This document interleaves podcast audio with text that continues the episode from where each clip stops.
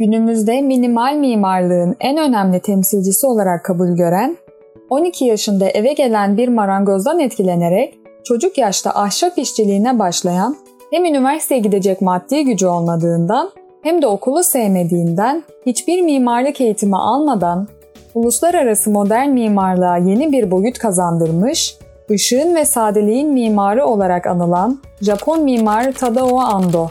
Ando'nun mimarlığını eşsiz kılan temel prensipleri ışık etkisi, malzeme ve duvarın önemi, geometri ve doğa ile kurulan kusursuz ilişkidir. Toplumu yeniden şekillendirmenin kenti değiştirmekten geçtiğine inanan Ando, bunun da ancak evi değiştirmek ile mümkün olduğunu söylüyor. 1941 Osaka doğumlu olan Tadao Ando, İkinci Dünya Savaşı'nın etkilerinin sürdüğü bir dönemde Japonya'nın kalabalık bir şehrinde ailenin ikiz çocuklarından biri olarak dünyaya gelmiştir. Ailevi nedenlerden dolayı 2 yaşında ikizinden ayrılarak büyük annesi tarafından yetiştirilmesine karar verilmiş olup, yetiştiği çevredeki zorlayıcı iklim ve doğa koşullarının kendisinin mimari işlerinde doğa ile kurduğu başarılı ilişkiye yön verdiği düşünülüyor. Gelgitin yükseldiği zamanlarda deniz suyunu emecek bir mimariyi hayal ediyorum. 1995 yılında Japonya'da meydana gelen Büyük Hansin depremi bölgede korkunç bir yıkıma sebebiyet vermiştir. Sonraları Mimarlık Dergisi Bruidis, okuyucularının geliştirme fikirlerini bir dizi mimara sunmaya davet etmiştir. İkincil olarak bir deniz kenarı site fikrini seçmiştir.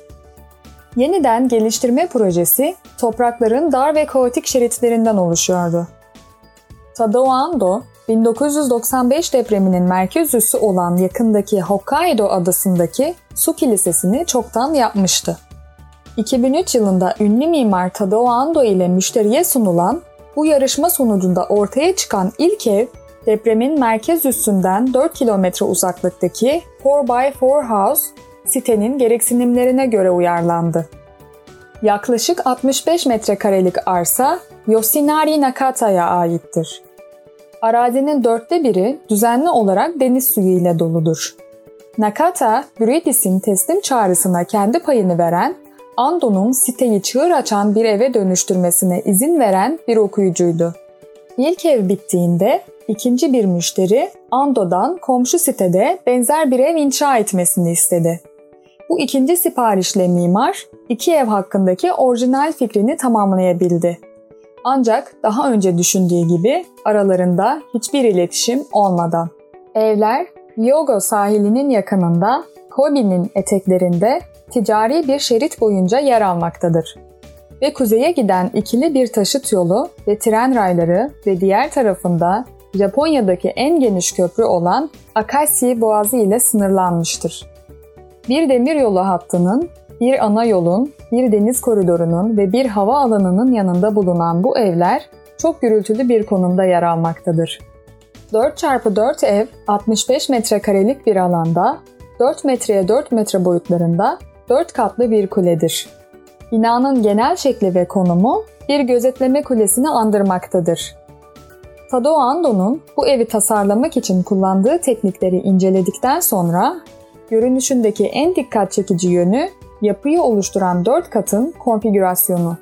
Her kat birlikte deniz feneri gibi hareket eden ve deniz manzarasına hakim olan beton bir kütledir. Ev, zemin genişliği açısından minimum boyuttadır. Katların her birinde ayrı bir işlev geliştirilmiştir. Bodrumda bir depo, zemin katta giriş ve servis alanı, birinci katta bir yatak odası, ikinci katta çalışma odası ve son katta bir kombine mutfak, yemek odası, evin odak noktasını oluşturan oturma odası bulunmaktadır. Bu son seviye, güneydoğu tarafında devasa, kare bir teleskobik mercek gibi su üzerinde yükselen ve manzaraları yakalayan tavandan tabana cama sahip 4 metrelik bir küp. Küpün son seviyedeki yer değiştirmesi, sol taraftaki merdivenlerin işgal ettiği yeri telafi etmek için çok az faydalı alan kazandırır. Bu da evin içinde sirkülasyonun geliştiği ve birinci kattan dördüncü kata kadar uzanan çizgisel ızgarayı vurgular. Görsel olarak binanın en üst katındaki offset küpü diğerlerinden çok daha büyük görünse de aynı büyüklüktedir. Batı cephesi sokağa bakan köşede dört ince dikey pencere ile kesilmiştir. Arkalarındaki merdiveni aydınlatıyorlar ve rastgele yerleştirilmiş diğer üç küçük açıklıkla birleştiriyorlar. Doğu cephesinde üç küçük kare açıklık bulunurken zemin katta batı tarafındakine benzer dikey bir pencere görülebilir. Kuzey cephede üzerinde dikdörtgen bir pencere bulunan giriş yolu, güney cephesinde ise ikinci ve üçüncü kata karşılık gelen farklı boyutlarda iki pencere vardır. İlk 4x4 evin inşası tamamlandıktan sonra 4x4 ev 2 bitişik arsa üzerine Tadao Ando'nun önerisi üzerine ahşap olarak 2004 yılının sonunda inşa edildi. 23 metrekarelik bir taban genişliğine sahip olan yeni ev toplamda 84 metrekaredir. Yeni ev iyi bir nedenden ötürü Selefi kadar küçüktür. Çünkü esasen beton yapının aynı görüntüsüdür. İkinci ev, dikey sirkülasyon ve inşaatı için kullanılan malzemeler bakımından birinciden farklıdır. İlki bir merdiven içerirken ikincisi bir asansör kullanır. Diğer bir fark ana malzemedir. Orijinal ev tamamen betondan, ikincisi ise ahşaptan yapılmıştır. Bu evde inşaat için beton yerine Oregon'dan lamine çam kullanılmıştır. Zeminler Paulownia ağacından yapılmıştır. Evle ilgili olarak Ando, kapıları denize açılan ancak zıt malzemeler beton ve ahşaptan yapılmış bir çift benzer yapı oluşturarak mimarinin mekanla bağlantısını güçlendirmeyi umuyorum demiştir. Binalarının çoğunda olduğu gibi ilk yapının yapısal sistemi için betonarme, dış duvarlar ve iç tavanlar için de brüt beton kullanılmıştır. Bu malzemeyi dış zemin yüzeyinde de kullanmıştır. Pencerelerin çerçeveleri alüminyum ve çeliktir. İç mekanda zeminler meşe, duvarlar ise brüt beton ve boyalı alçı levhadır. Ando, mahremiyet nedeniyle özellikle arazi tarafına bakan cephelerdeki açıklıkları en aza indirmiştir. Ön cephede bile sadece küçük bir penceresi ve bir kapısı olan beton bir duvar var. Alanın sert doğa koşulları nedeniyle mimar, beton yapıyı zeminin altına sıkıca sabitleyerek yanal kuvvetlere karşı direncini güçlendirmiştir. Küpün kalın camını kırılmaz bir filmle kaplamanın yanı sıra camı çelik çapraz çubuklarla güçlendirmiştir. Tadao Ando, tüm dış beton yüzeylere su geçirmez bir dolgu macunu uygulamış ve suyu çatıya taşımak için mutfaktaki bir kapaktan erişilebilecek ek borular yerleştirmiştir. Su, daha sonra hortum tabanlı bir sistem aracılığıyla deniz tuzunun ondan uzaklaştırılmasını sağlamak amacıyla yapılmıştır. 4x4 ev konseptinin önemli bir parçası sadece ışığın ve suyun işlenmesi değil, aynı zamanda rüzgarın sesidir.